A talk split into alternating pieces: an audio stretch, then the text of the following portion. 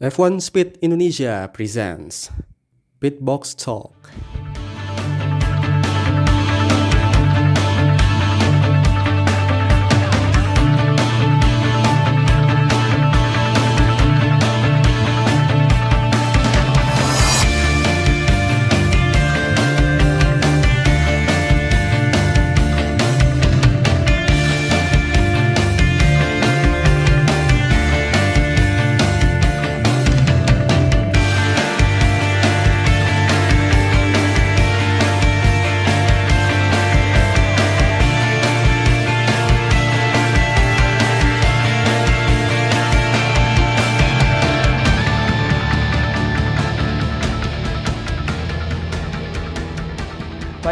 Selamat sore, malam, pagi, di mana pun Anda berada, di mana pendengar eh, saat ini mendengarkan eh, episode baru di- dari Pitbox Talk, ya, dipersembahkan oleh F1 Speed Indonesia. Em, kembali lagi dengan gua Azim dan di sini ada Awi Akbar. Eh, namun eh, kali ini kami eh, sedang menunggu Ditya ini bagaimana kabarnya, apakah nanti bakal join eh, di eh, di pertengahan podcast dan pertengahan obrolan kita, eh, kita tunggu saja. Em, mungkin pertama-tama kita akan mulai dari, ini dulu ya, eh, review GP Belanda kemarin. Eh, akhirnya Zandvoort kembali setelah eh, 30-an tahun meninggalkan kalender F1, eh, terakhir pada 1985, saat itu Niki Lauda yang memenangkan GP Belanda, dan sekarang di tahun ini dengan perubahan layout yang an- yang ada pada eh, sirkuit Zandvoort di di Belanda em, yang yang ada tikungan banking terkenal eh, di turn 3 dan di tikungan terakhir eh, dan dimenangkan oleh putra bangsa sendiri yakni eh, Max Verstappen. Eh, apa ya pas dan disaksikan oleh ribuan eh, Jackmania waktu kemarin. Banyak banget lautan lautan orange bener-bener semuanya orange sampai asap-asap juga orange gitu kan Dan itu sejak hari Jumat loh, latihan. Itu baru latihan udah ramenya minta ampun tuh. Nah, biasanya latihan tuh nggak ada hype-hype-nya sama sekali, tapi udah dari hari Jumat eh, udah penuh semua tribun gitu buat nonton Verstappen. Dan disaksikan juga sama keluarga kerajaan Belanda waktu itu. Nah, em, ini kira- kira-kira gimana nih dengan eh, peta persaingan eh, kali ini setelah Verstappen menang di GP Belanda? eh, gimana eh, apa ya mentalitas Red Bull untuk eh, menuju eh, GP selanjutnya dengan Verstappen yang memimpin di di klasmen sekarang dan bagaimana nanti eh, Mercedes eh, dengan Hamilton Bottas bisa mengambil alih lagi pimpinan klasmen. Kalau menurut gua Red Bull ya seperti biasa ya, seperti awal musim gitu, Ehm, masih tetap berada dalam persaingan kejuaraan gitu. Dan sekarang kan perbedaan setelah GP Belanda kan tiga poin ya. Eh, ya, gue udah ngitung pakai embel-embel koma lima sih, agak repot juga. Cuman em, ya tiga poin itu dan kembali lagi F1 memiliki peta persaingan yang seketat itu ya sejak kapan ya? Eh, mungkin zaman zamannya Vettel itu pun juga tidak seketat ini juga gitu dan em, rasanya senang gitu. Oh ya btw, eh, gue sebenarnya apa ya eh, pada saat nonton Zandvoort tuh gue lagi di luar gitu. Itulah alasan kenapa kali ini hostnya si Azim lagi gitu. Jadi sih masih bisa non masih nonton masih nonton. Cuman eh, tidak terlalu khusyuk lah istilahnya kalau misalnya nonton di di di rumah kan kan keadaannya lagi di luar jadi ya noise segala macam kan. Dan em, balik lagi ke pembahasan soal persaingan ya itu tadi em, udah bakal panas sejak hari hari Jumat kan dan memang puncaknya hari Minggu gitu. Dan sebenarnya ada be- beberapa perdebatan orang-orang yang nonton eh, GP Belanda kemarin kan. Ada yang bilang bosen ada yang bilang masih bisa dinikmati gitu kalau ya kalau gue sih masih apa ya karena terbi kita lah gitu kita berdua atau beberapa pendengar atau fans F1 yang masih bisa menikmati F1 tanpa eh, apa ya menunggu aksi saling menyalip gitu bagi gua ya masih bisa seru-seru aja kemarin itu gitu Ya bener. Eh, tadi eh, kemarin tuh bener-bener strateginya ini sih kerasa sebenarnya stra- strategi dari strategi ban gimana Hamilton uh, pit duluan waktu itu, terus kemudian Bottas disuruh go long, habis itu uh, Verstappen uh, akhirnya merespon dengan uh, dengan pit lagi dan akhirnya bisa mempertahankan um, ini ya mempertahankan kepemimpinan lombanya dia gitu uh, setelah menyalip Bottas yang go long. Um, uh, gimana nih kira-kira kalau dibandingkan dengan GP-GP kemarin uh, di Zandvoort ini apakah bikin putar otak uh, apa strategi ban atau gimana? Uh, kalau bisa menurut gue sih kita kan pernah uh, ngebahas ini juga di Instagram gitu dan hmm. um, ini kan adu adu ini ya adu uh, overcut gitu kan dan hmm. bukan undercut gitu dan ya gue kayaknya baru kali ini lah nonton F1 dengan strategi overcut sejak kapan ya terakhir tuh ya kan uh, zaman sekarang ini kan lebih lebih sering undercut daripada over uh, dan ini ya kayaknya sama-sama susah juga gitu karena harus mendebak siapa duluan yang uh, masuk pit kan. Jadi momentumnya lama-lamaan gitu. Dan untuk secara teknis uh, sirkuitnya juga memang demanding seperti yang kita bahas di preview kan. Uh, tidak terlalu lebar gitu walaupun nggak sempit juga gitu. Tapi kan ada beberapa apa ya beberapa sektor atau sektor tengah misalnya gitu yang benar-benar uh, susah buat nyalip gitu semi-semi Hungaria gitulah. Dan memang dibutuhkan strategi pit stop yang cerdas juga dan cerdik gitu. Dan uh, gue mengagumi respon dari Red Bull ya sejujurnya.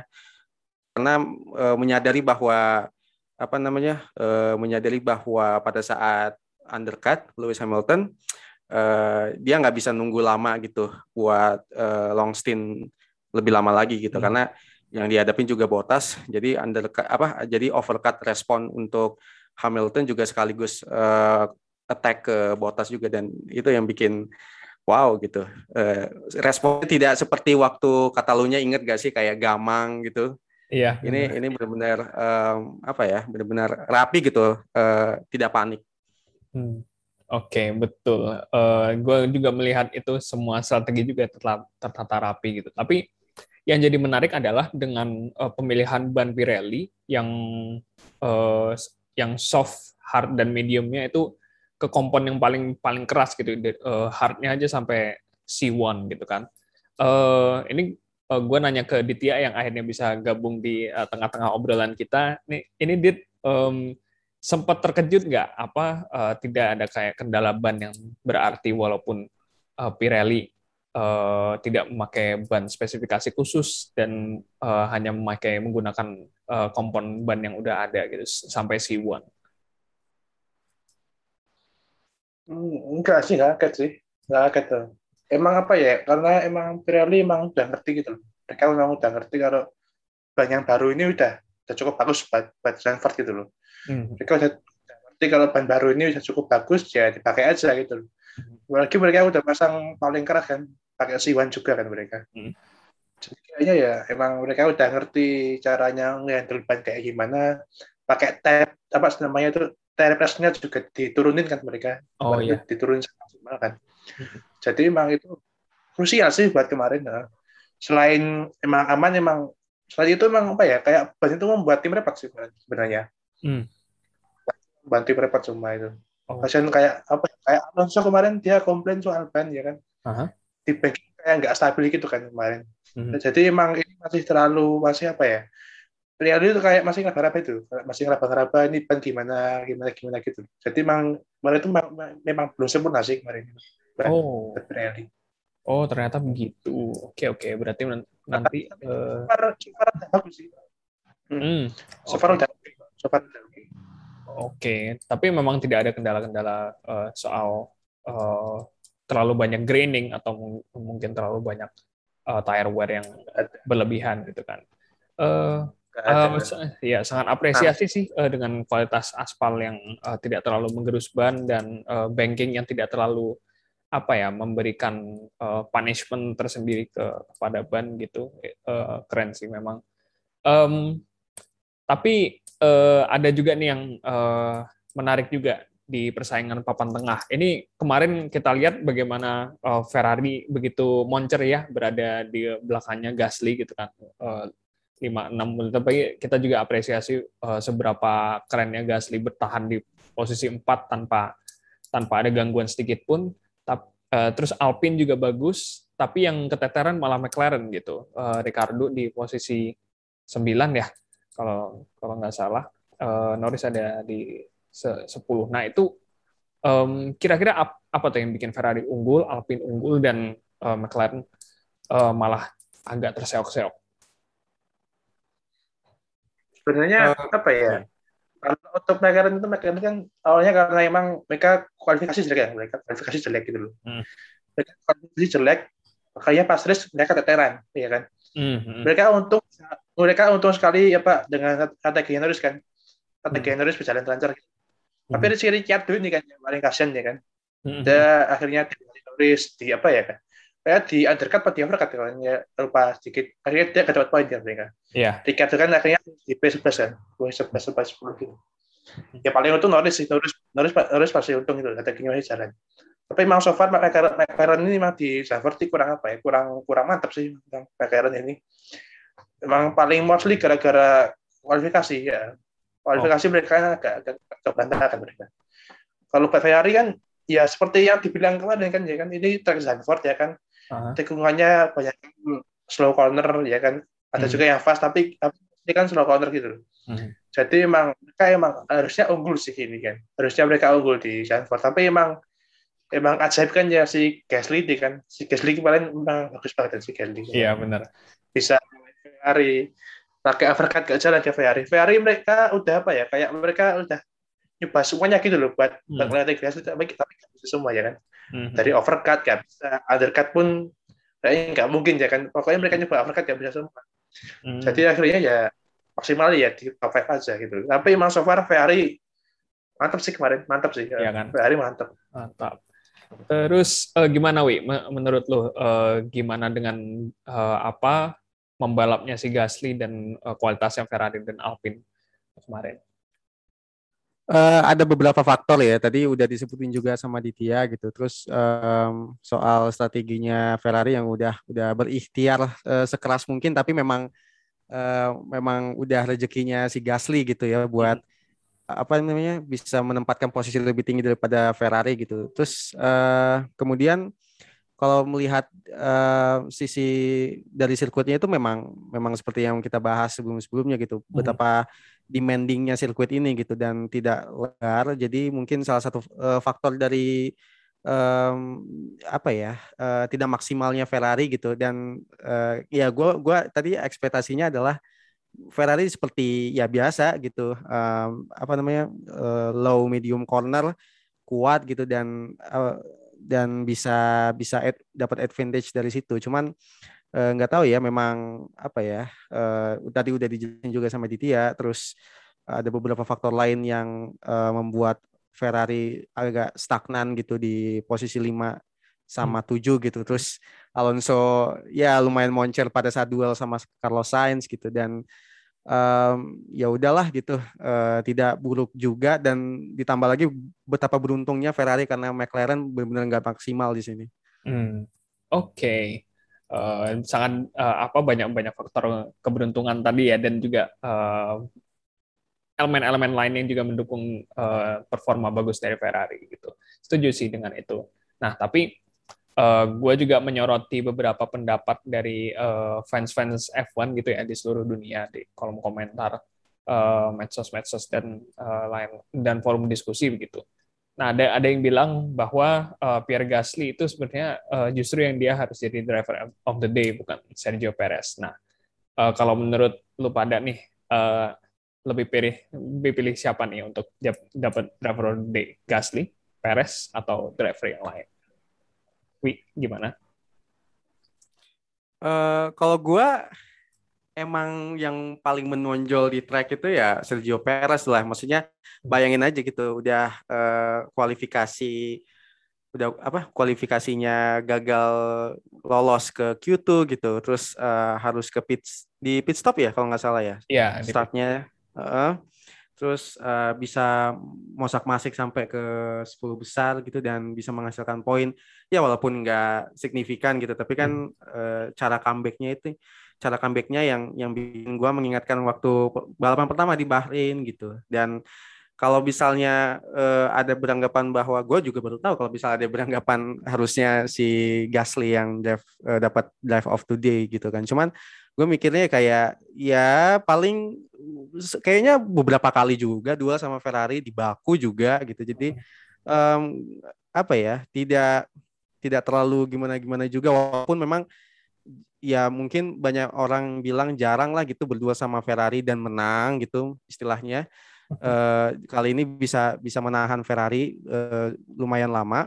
Ya, tapi kan uh, gua rasa Sergio Perez sih.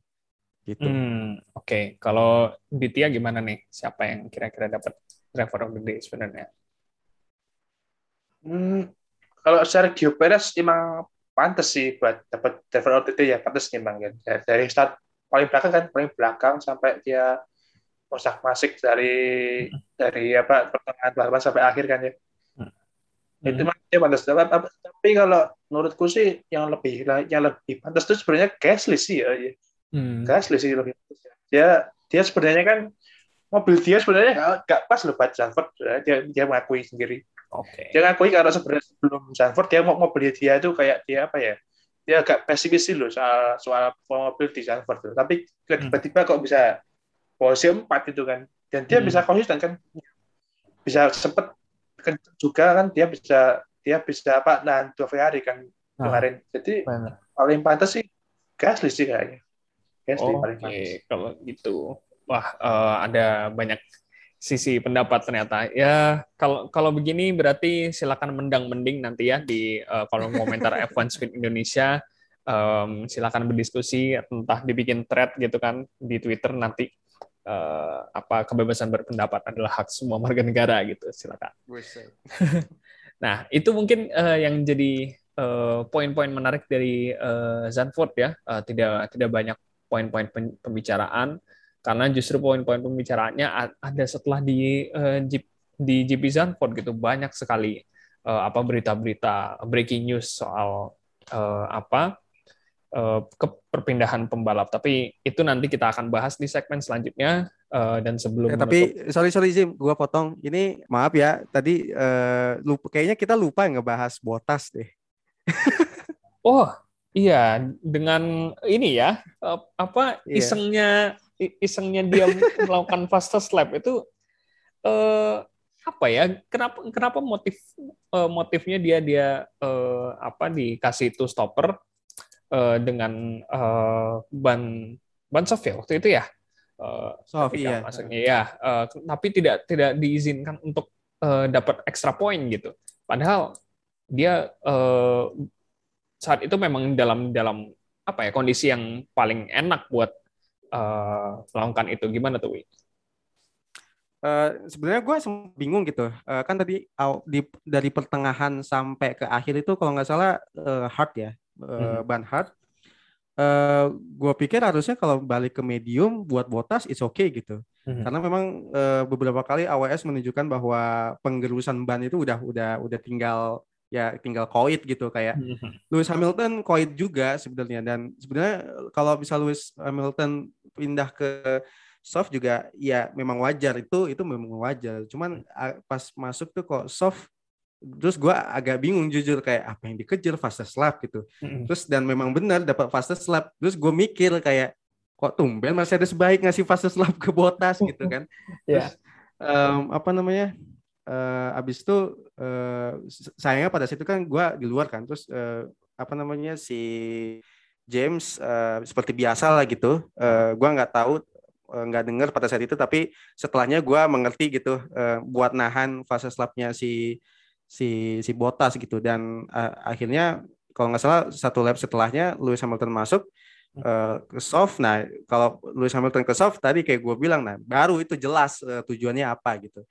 Uh, langsung fase lap gitu. Cuman agak lucu juga kalau misalnya komentarnya dari Botas bilang ah cuman iseng. Kalau gue sih mikir kayak udah tahu dia udah udah tidak uh, lagi di Mercedes untuk musim depan jadi ya udah nothing tulus aja lah iya bener bener juga sih ada motivasi seperti itu uh, tapi ini gue gue keludit ini uh, kira-kira apa ya uh, jadi makin gaya gaya favoritisme ke Hamiltonnya ini rada-rada mirip gimana dulu Ferrari memperlakukan Schumacher uh, de, uh, dengan Barrichello gitu nggak? Uh, jauh, jauh itu. Okay. Ferrari Barrichello lebih ekstrim lah, lebih kejam lah.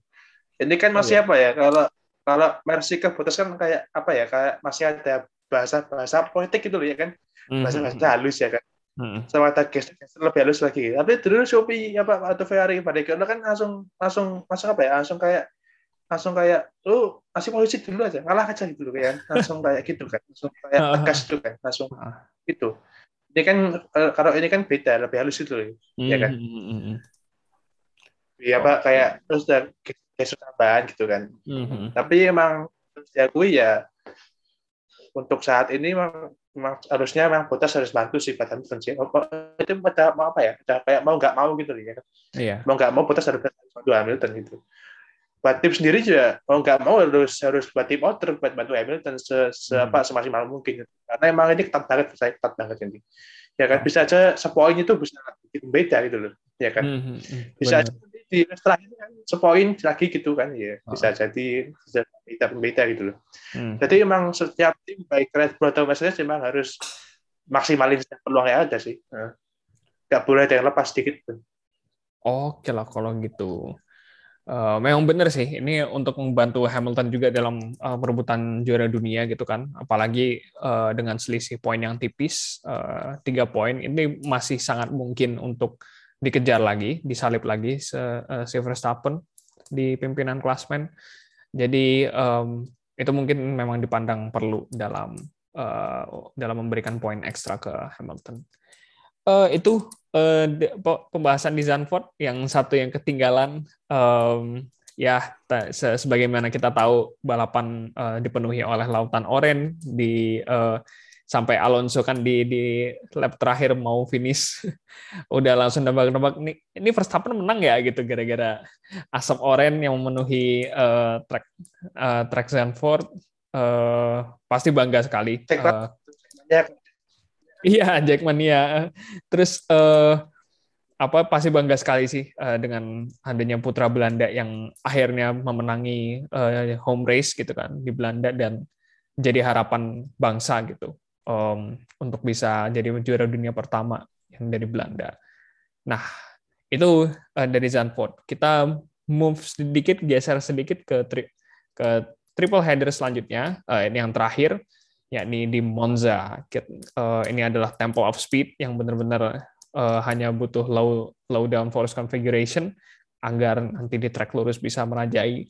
Nah, kira-kira dari dari uh, konfigurasi yang kita lihat dan peta persaingan dan uh, peta kapabilitas mobil nih, kecepatan mobil yang kira-kira bakal lebih unggul siapa nih? Mercedes, Red Bull, atau justru nanti kuda hitam khas mungkin ngebut. Buset, jauh banget khas. Kira-kira siapa nih, Dit? Siapa nih, Dit? Uh, kemungkinan kalau patokannya sih dari gimana sebenarnya?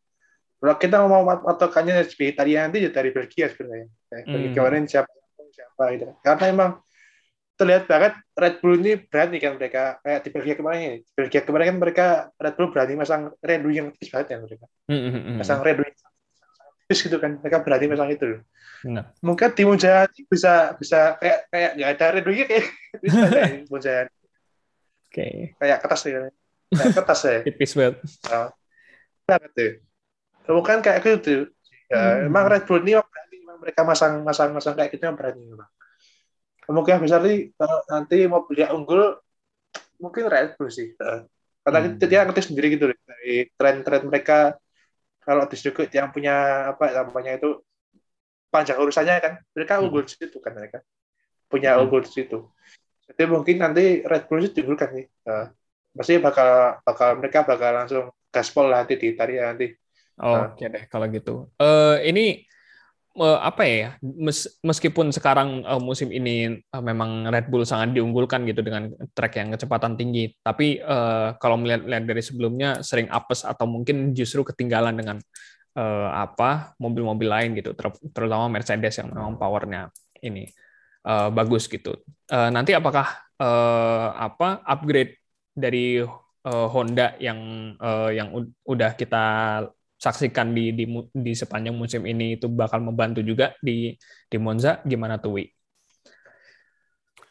Gua gua gua pikir iya lah, cuman uh, gimana ya? Uh, tidak terlalu banyak berubah gitu karena mempertahankan momentum gitu. Cuman uh, pasti kita ini agak agak agak keluar dikit ya, mohon maaf ya. Yeah. Apa guys? Uh, ini ini kan selalu membicarakan dua gitu kan kalau nggak Red Bull Mercedes itu hmm. aja mulu gitu yeah. memang seru sih gitu cuman uh, pada saat kita membicarakan Monza gitu gue penasaran sama perubahan Ferrari gitu katanya hmm. uh, mau di upgrade uh, lumayan banyak nih gitu khususnya hmm. di mesin gitu untuk benar-benar hmm. bisa apa ya um, ya ngejer lah gitu ngejer hmm. atau memang mempertahankan posisi uh, tiga yang sekarang uh, udah udah unggul lah uh, sama sama McLaren gitu.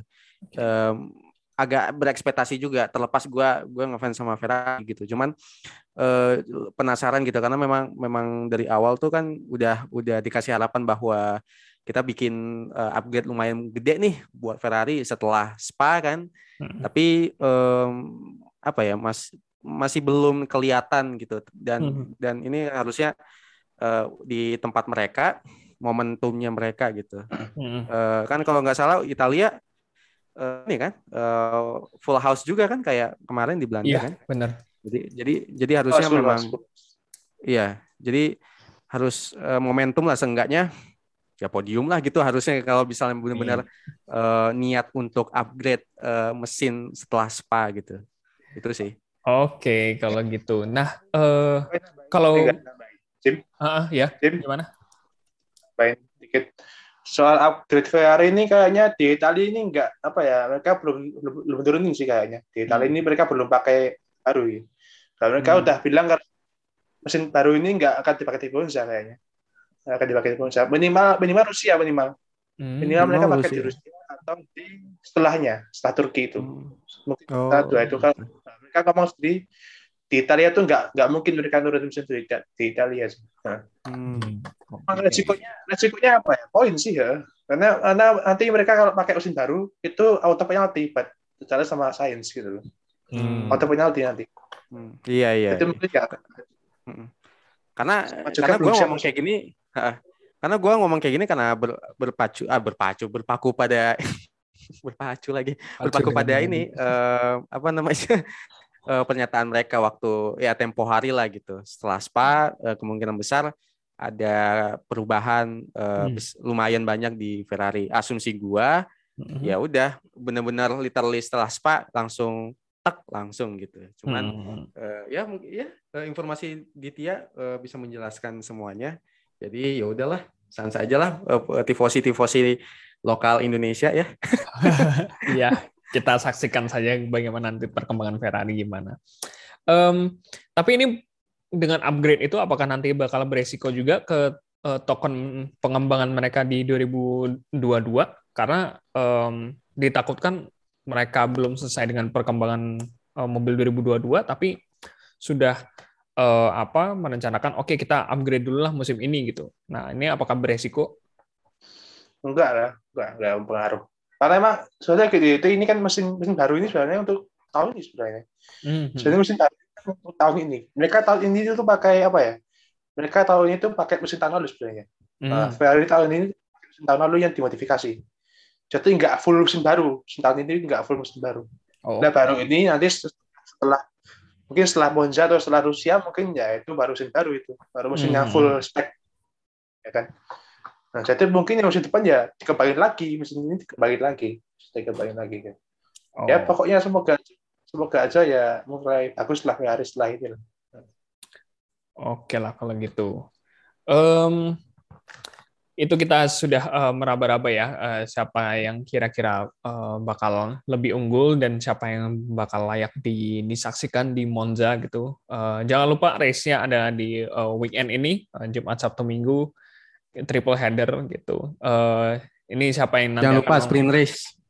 Oh iya, ada sprint race juga itu. Uh, kita saksikan siapa yang nanti akan uh, lebih unggul dalam uh, short stint uh, di di lap-lap segitu. Uh, tapi untuk prediksi kalian nih, um, kira-kira sprint race-nya nanti apakah dari kualifikasi dan sprint race ya, apakah nanti bakal chaos uh, dengan uh, trafficnya atau uh, bakal kayak gimana ya? Ya serba serba nothing tulus gitu dengan dengan uh, sprint race gitu atau gimana? Kalau gue sih um, kalau misalnya kualifikasi reguler ya biasa aja sih, tidak terlalu berekspektasi yang gimana-gimana gitu. Mm-hmm. Tapi kalau misalnya sprint race untuk papan atas, gue nggak bisa bilang chaos, tapi lebih ketat lagi. Justru papan tengah yang chaos gitu. Dan mm. um, itu yang kita saksikan juga pada saat di Silverstone. Mm-hmm. Ya template-nya itu sih lihatnya. Cuma ya itu um, sprint race uh, papan atas tidak uh, sekali lagi tidak terlalu chaos. Papan tengah justru kayaknya chaos. Uh, cuman untuk papan atas lebih ketat lagi. Itu aja. Oke, kalau uh, Ditya gimana pandangan nanti sprint race Monza? Ano apa? Ini sudah bisa apa ya? Sudah bisa bayangkan nanti bisa four wide di lulusannya bisa bayangin kan? Empat hmm. tengah kan? Yeah. Wide di lulusan chicken kan? Mungkin bisa bayangin kayak gitu sih nanti race gitu kan? Sprint race potensinya mungkin nggak chaos, cuman seru aja gitu loh. Mungkin hmm. di lap-lap tiga lap pertama bakal bakalan ada yang kayak side by side di riwayat forward kayak gitu kan bakal banyak ya, ya sih ya. Oh, okay. Tengah sih ya ya mungkin ya bakal start first apa langsung terbang ya pertama kayak kemarin. Ya kan? Mungkin ya Mas langsung kaotik kan setelah pertama ya ya ya udah lah gitu apa tengah atas kayak gitu. Tapi apa tengah sih kayaknya ya apa tengah rame terutama terutama ya kayak Alonso ya kan startnya kayak gimana sih menarik ya kan. Mungkin bisa kan dia pakai bansof lagi kayak dulu kan pakai bansof lagi kayak dulu. Langsung terbang kan pas start itu hmm. ya nanti lihat. Ya, buat sprint race bakal seru sih kan. Menarik sih nanti. Menarik sprint race.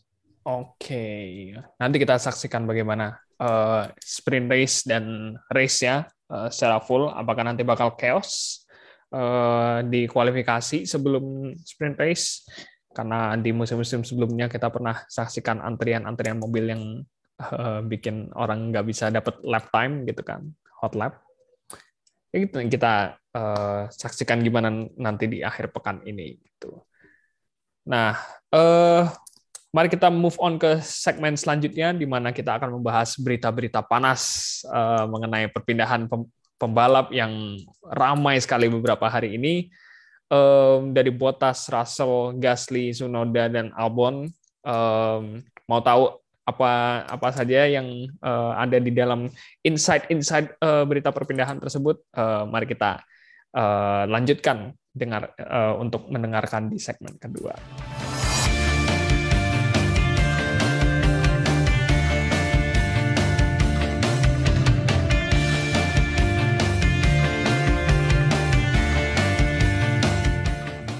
Hai hai hai, um, selamat datang di segmen 2 Kali ini gue yang ambil alih buat um, episode kali ini uh, karena tadi udah udah gantian sama Azim, sekarang gue.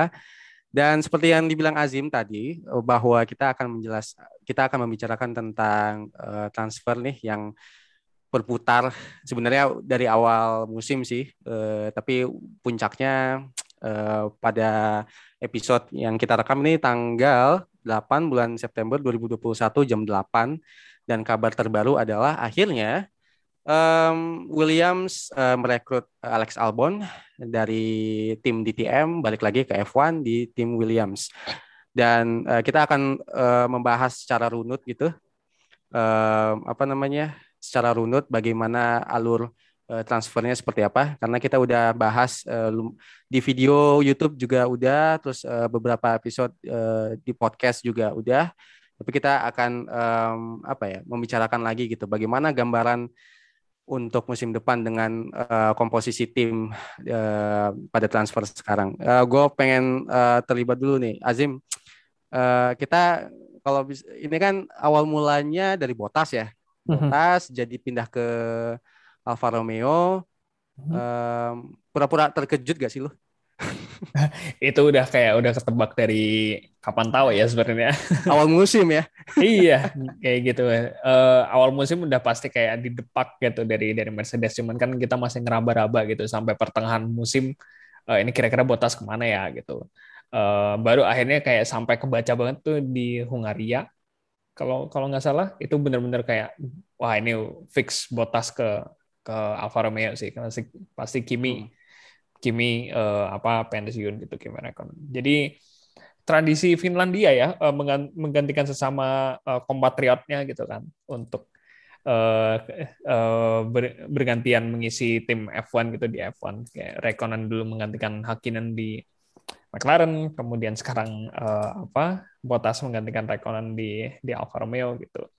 Tapi um, apa ya dengan kesempatan untuk bergabung dengan Alfa Romeo ini paling Bottas bisa di ini ya bisa diminta untuk uh, bantu bagaimana nanti memimpin tim agar nanti bisa uh, apa membawa apa yang dia pelajari di Mercedes untuk diterapkan di Alfa Romeo. Walaupun uh, tidak bisa serta merta seperti itu karena pastinya karakter mobil Alfa Romeo akan berbeda, cara kerjanya akan berbeda, tapi mungkin pendekatan pribadinya terhadap masalah-masalah yang ada di Alfa Romeo dari hasil pelajaran dia dari Mercedes bisa diterapkan di situ. Iya, um, ini berarti posisinya yang kosong sudah jelas diisi oleh Russell. Um, reaksinya, wah Russell ke Mercedes padahal udah udah ini udah udah diberitakan sejak awal musim ya. Iya. Dia kayak wah gitu, pura-pura pura-pura kaget aja gitu. tapi yang tapi uh, sebelum kita melebar ke Mercedes dan ke Williams, ini kan uh, eh, gue masih masih berputar di Alfa Romeo. Hmm. Itu sebenarnya jadi nggak sih Giovinazzi uh, didepak di Alfa Romeo dit atau memang uh, masih dipertahankan karena performa minimal kualifikasi kemarin lah waktu di Zandvoort? Most likely bakal ditendang kayaknya. Nah, bakal ditendang. Ini rumor terbaru ini gua Yuzo masuk di kayaknya. Hmm. Nah, oh iya. Nah, kayak gini, aku baca baca, baca kayak gini. Katanya Nick De Vries katanya apa apa agak-agak jauh dari deal ya kan. Mereka dia belum sampai sepakat lah, masih jauh lah. Tapi hmm. Yuzo ini sponsornya kuat ya kan. Hmm. Sponsornya dari dari dari China sana ya kuat ya kan. Hmm itu tuh nah, katanya gitu tapi kayaknya kayak apa ya ini baru nyari-nyari info soal super nya kayaknya masih masih cukup gak ya hmm. masa Bang Yuzo ini udah udah pas 40 poin pak belum perang tahu nih nah.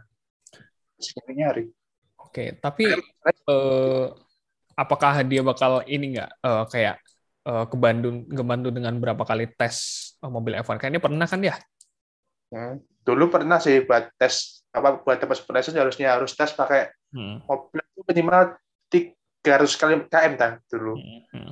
terus kan pakai poin kan ini masih belum tahu ini ntar gimana gimana apa sistem, sistem poinnya kan ini kan juga pandemi juga kan juga pandemi hmm. juga kan ya, kita hmm. belum tahu gimana nanti nanti buat poinnya ini menarik sih sama Guan Yuzo ini kok tiba-tiba muncul di kaget juga kan nah, tahu-tahu oh. muncul pakai sponsor ya duit banyak juga gitu. lumayan sih Iya.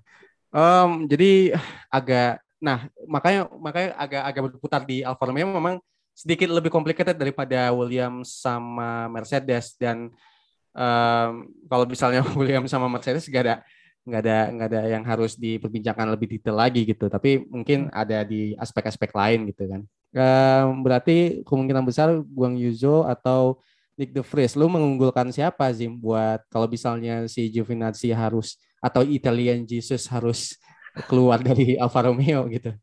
Italian Jesus. Um, wah, ini pilihan sulit sih. Um, dengan funding yang masih ada di uh, yang masih ada dari Ferrari gitu ya, dari Fiat sebenarnya, karena kan Alfa Romeo uh, dan Ferrari ada di satu grup gitu uh, di bawah Fiat. Um, sepertinya dengan Guan Yu Zhou uh, Eh, dengan bawaan sponsor pribadi dia gitu dari dari Tiongkok gitu um, untuk uh, membiayai Alfa Romeo sepertinya dinilai agak kurang gitu ya tapi itu jadi uh, kesempatan emas gitu untuk Guan Yu untuk yang selama ini uh, sudah berapa musim ada di feeder series uh, akhirnya bisa dapat tempat di F1 dan jadi pembalap Tiongkok uh, selanjutnya gitu. Nah permasalahannya Nick De Vries justru lebih unggul gitu dari uh, dari experience dari pengalaman karena dia tes uh, bagian dari tes driver Mercedes Uh, dia pernah mencicipi F1 juga di di McLaren dulu uh, sebagai test driver juga, reserve uh, entah reserve driver atau mungkin hanya academy driver gitu. Um, dan baru saja uh, menang menang juara dunia Formula E dan uh, berkompetisi di WEC. Uh, mungkin akan lebih banyak uh, bekal yang dibawa oleh Nick De Vries uh, ke dalam tim Alfa Romeo dibanding dengan Guan Yu Zhou. Tapi berat, berarti dengan berdasar uh, berdasar itu gue lebih mengungguli uh, Nick De Vries. Berarti gini, agak gue ganti aja pertanyaannya. Sebenarnya Alfa Romeo keuangannya stabil nggak sih? Nah, kalau itu dari, dari situ, dari aspek situ, gue kurang tahu ya uh, apa gimana. Tapi kalau melihat dari uh, parent company-nya mereka gitu, uh, Fiat yang sepertinya fine-fine saja gitu ya. Kalau ya kalau mau ngelihat uh, dalam skala besar kita lihat aja si Juventus uh, klubnya gimana gitu. Pas, uh, pasti uh, langgeng-langgeng aja gitu. Apalagi habis ngejual Ronaldo ya kan. Um, terus uh, Ferrari juga uh, kucuran dananya juga masih lancar. Um, pengembangannya masih lancar dan punya pembalap yang dua-duanya pasti bayarannya tidak tidak uh, tidak kecil gitu. Uh, Sainz dan Leclerc pasti uh, apa cukup besar dengan potensi mereka untuk bisa jadi pembalap jangka panjang untuk Ferrari.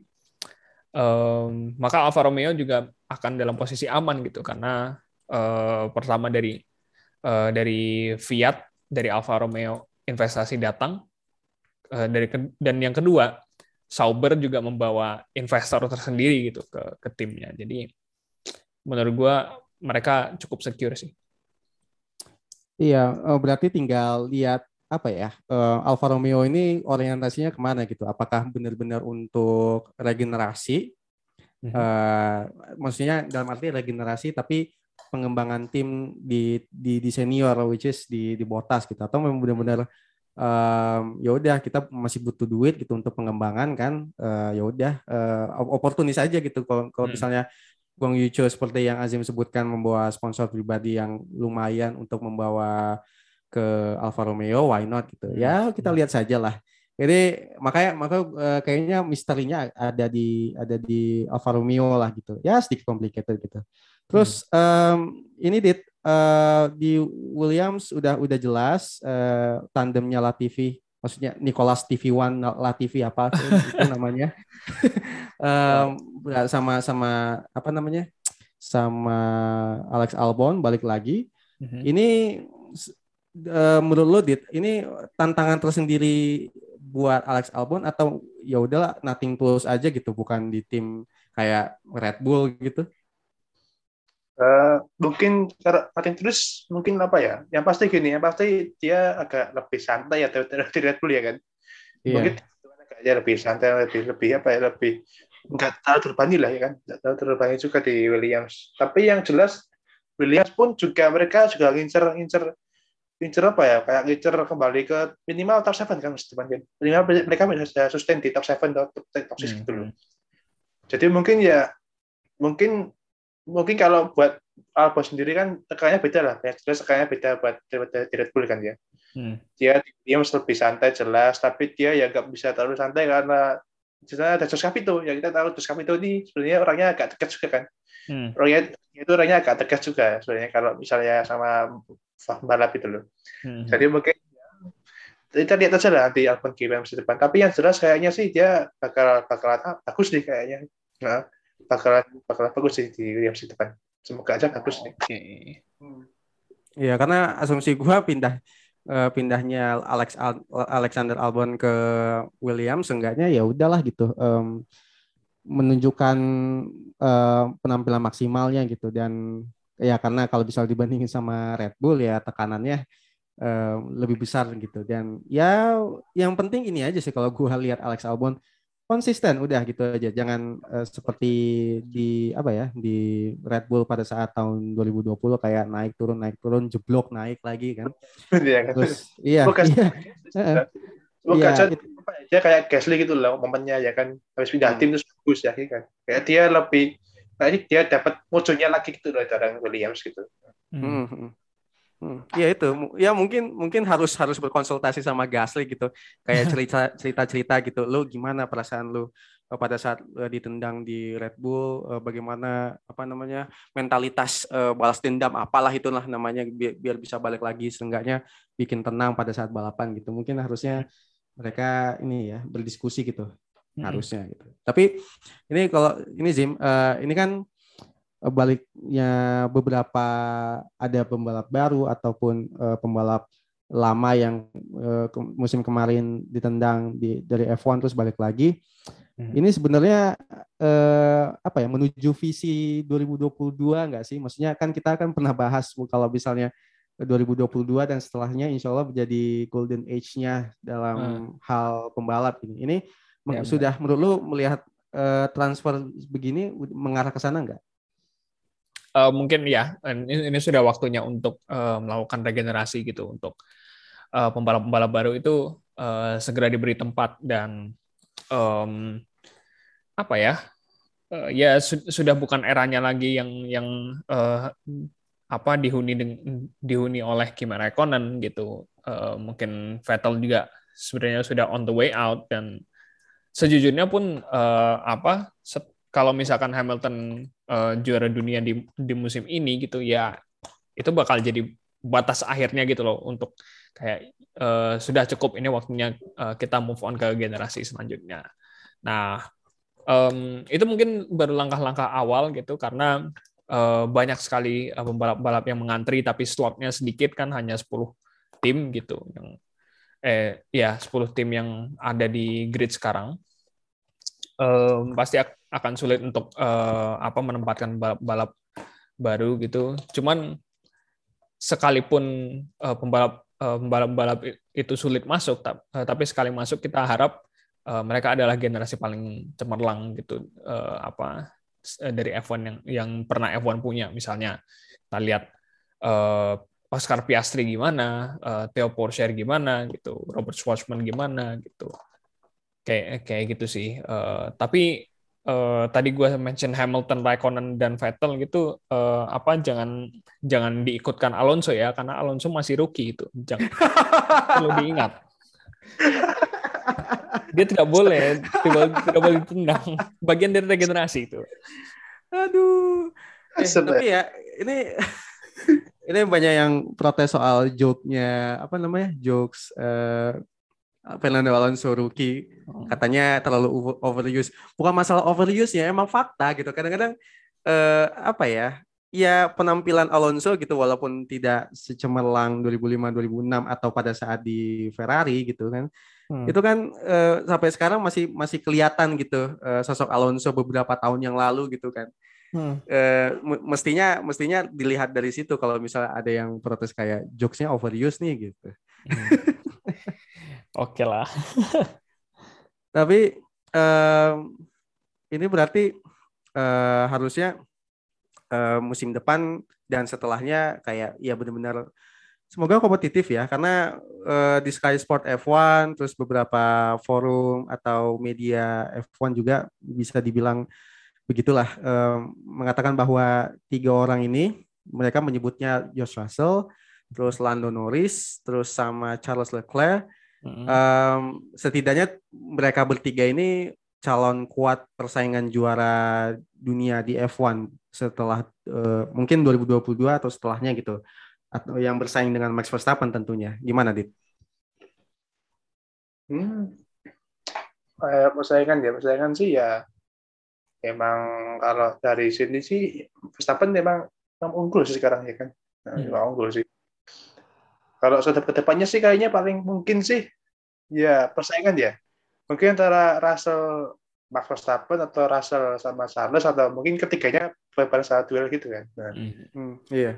Itu ketiganya itu. Atau mungkin ketika besok besok kalau misalnya misalkan si Hamilton pensiun bisa ada lagi ada lagi mungkin bisa si De Vries atau Aston yeah. bisa dia kan. Hmm. Hmm. Belum kalau kita ngomongin soal apa kayak tim-tim yang tempat tengah bisa jadi kan mereka kayak tiba-tiba melejit gitu kan bisa jadi kayak hmm. mungkin kayak Norris kan hmm. Norris bisa gabung atau mungkin nanti siapa ya kayak mungkin Theo Pocher hmm. bisa jadi di Ferrari mungkin oh, bisa iya jadi. iya jadi ya kan.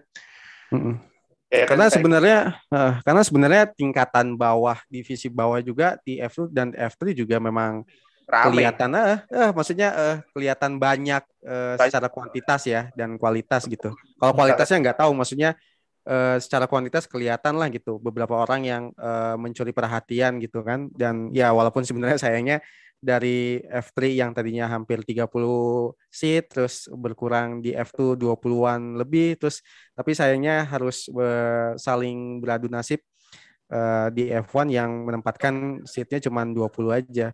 Tapi uh, ini persaingan uh, semakin ketat antar pembalap. Ini jangan-jangan Mazepin bisa masuk nih dalam daftar ya Zim ya? Wah, bisa. Kita lihat aja siapa tahu tiba-tiba uh, Mercedes Sainz Mazepin gitu kan kita nggak pernah Ush. tahu gitu soal itu itu uh, nah uh, ada hubungannya ya ini ada hubungannya sama sama si Toto Wolff sih ya kan tadi kan tadi uh. pagi kan udah posting kan Toto Wolff dia ngusul buat satu tim dan tiga mobil kan ya hmm. atau tiga mobil gitu kan wah buat mobil wajib sama Rocky ya kan sama Rocky biar hmm. seenggaknya apa ya seenggaknya Rocky Rocky di F2 atau di F3 bisa naik Ivan semua ya kan karena emang di F2 dan F3 itu ketat banget tuh, ramai banget tuh. Super ketat ya kan. Di F2 ada hmm. Buat Yusuf, Kapiastri, terus siapa itu Liam Lawson ya kan, Juri Phipps, hmm. Ya, Jack, ya kan? Jack Duhan. Uh, di F3 ada Jack Duhan, dari Sauger ya kan, Arthur Leclerc oh. juga. Jadi ya, emang, emang Wah, ya, rame sih. Saya rame juga ketat juga kan. Jadi kalau misalkan mereka nggak diakomodasi gitu ke Evan ya nanti ngasih juga kan bakal numpuk sia-sia gitu kan. Iya. Itu tiga mobil satu tim. Itu apa namanya? Uh, ya menarik sih walaupun agak complicated bakal complicated uh, aturannya kalau bisa menempatkan satu in, satu satu tim tiga mobil itu kayak zamannya Honda ada dua Vicioso di situ selain Pedrosa sama Stoner kan kalau nggak uh, salah ya. zamannya terus nambah dua Vicioso kayak loh hmm. kok ada tiga Honda gitu kan gitu. terus uh, apa lagi ya tadi gue mau ngomong apa ya Nah, ya itulah paling ya. Oke, okay, uh, eh, paling gue ini deh uh, titip satu pertanyaan itu uh, kontraknya si Albon gimana tuh? Apakah dia pinjaman dari Red Bull atau uh, memang kayak oh ya udah uh, Albon memisahkan diri dari Red Bull untuk memang sign secara pribadi gitu ke Williams. Tadi baca sih kayaknya sih apa ya kayak bahasanya itu terlalu apa ya bahasanya terlalu politis ya ya hmm. bahasanya dari fasilitasnya itu terlalu politis jadi hmm. masih abu-abu gitu antara dia gabung bang Red Bull atau memang pisah jadi memang agak-agak rancu sih ya memang oh. apa kayaknya memang kita seenggaknya harus nunggu resmi dari Red Bull ya ya kan nunggu hmm. aja mereka apa album di luar atau enggak atau minimal nunggu helmnya lah ya kan nunggu hmm. helmnya aja kalau helmnya masih ada logo Red Bull ya dia masih, masih ada Red Bull gitu aja oke okay. bahasa bahasanya dari apa rilis medianya tadi agak-agak apa ya agak-agak politis dulu agak-agak agak-agak rancu gitu kan jadi hmm. bingung sendiri yeah. jadi pokoknya nunggu aja lah nunggu aja ntar gimana baiklah Oke. Oh iya tadi gue mau ngomong soal di F3 ya Jack Duhan gitu. Gue gue agak tertarik sama Jack Duhan ya selain karena bapaknya gitu kan dan memang lumayan juga Jack Duhan ini di F3 sejauh ini ya. Cuman gue pengen ya, cuman gue pengen lihat uh, Jack Duhan gaya balap di Formula ini sama kayak bapaknya di waktu di MotoGP gitu. Gimana tuh guys? itu di kokpit tuh kayak bapaknya gimana tuh di di kokpit tuh kan kan kalau bapaknya kan waktu bawa motor kan lumayan unik tuh gimana tuh uh. cara menggambarkannya kan saya ini di podcast gitu Cuma gue gue pengen lihat Jack Duhan tuh gaya balap di Formula tuh sama seperti bapaknya waktu di MotoGP. Supaya ya unik aja ada gaya balap tersendiri kan. Jarang-jarang kan gitu. Ya udahlah uh, itu aja. Baiklah. pemikiran random gue uh, soal Jack Duhan uh, terima kasih buat para speeders yang mendengarkan sampai episode uh, sekarang ini. Terima kasih juga buat Azim dan Ditya yang um, ya bisa bisa bisa full team lagi. Uh, ikutin terus uh, F1 Speed Indonesia di sosmed kita, YouTube dan juga ikutin terus uh, F1 Speed Pitbox Talk di Spotify. Sekian dari gua Ali Akbar, sekian dan terima kasih. Assalamualaikum warahmatullahi wabarakatuh.